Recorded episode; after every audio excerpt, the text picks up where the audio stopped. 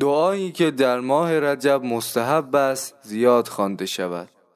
بسم الله الرحمن الرحیم. به نام خداوندی بخشنده مهربان. اللهم صل على محمد و آل محمد. خدایا بر محمد و آل محمد درود فرست.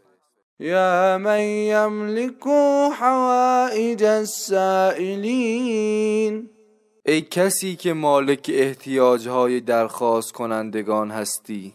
و یعلم ضمیر الصامتین. و از درون لب فرو بستگان و خاموشان هم خبر داری.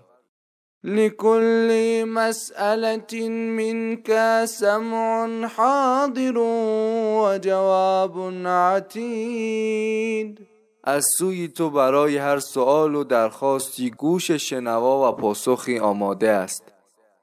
اللهم و مواعیدک الصادقه خدایا به حق وعده های صادقانه ات و ایادیک الفاضله و فراوانت و رحمتک الواسعه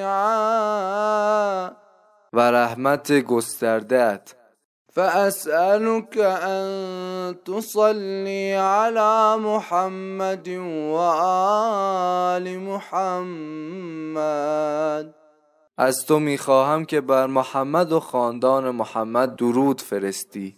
و ان تقضی حوائجی للدنیا والآخره و حاجتهای دنیا و آخرتم را برآوری. انك على كل شيء قدیر. چون در حقیقت تو بر هر کاری توانایی. Allah Allah Allah Allah